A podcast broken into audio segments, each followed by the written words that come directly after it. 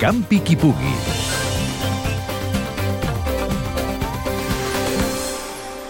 La gran festa del corfbol català se celebrarà a Barcelona el dissabte 11 de juny.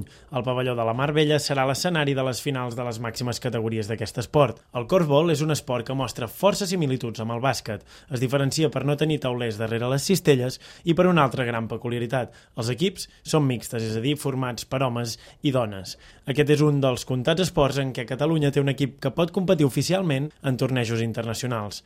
Es tracta d'un esport en ple creixement al nostre país. Federació, escoles i clubs tots col·laboren per fer més popular el corfball.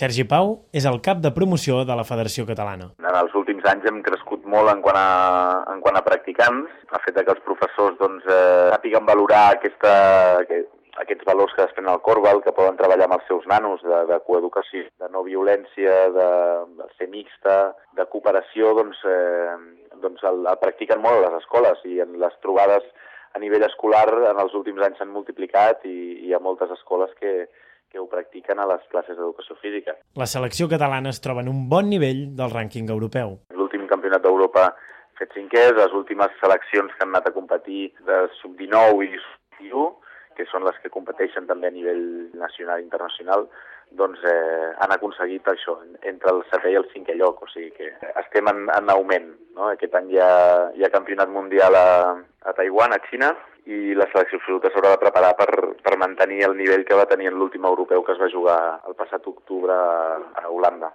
El pavelló de l'INEF Lleida va acollir el passat dia 4 de juny les finals de les categories inferiors del corfbol català. Unes finals emmarcades en la jornada del corfbol base català que serveix d'aperitiu a la gran festa del proper 11 de juny que es farà, com hem dit, a Barcelona.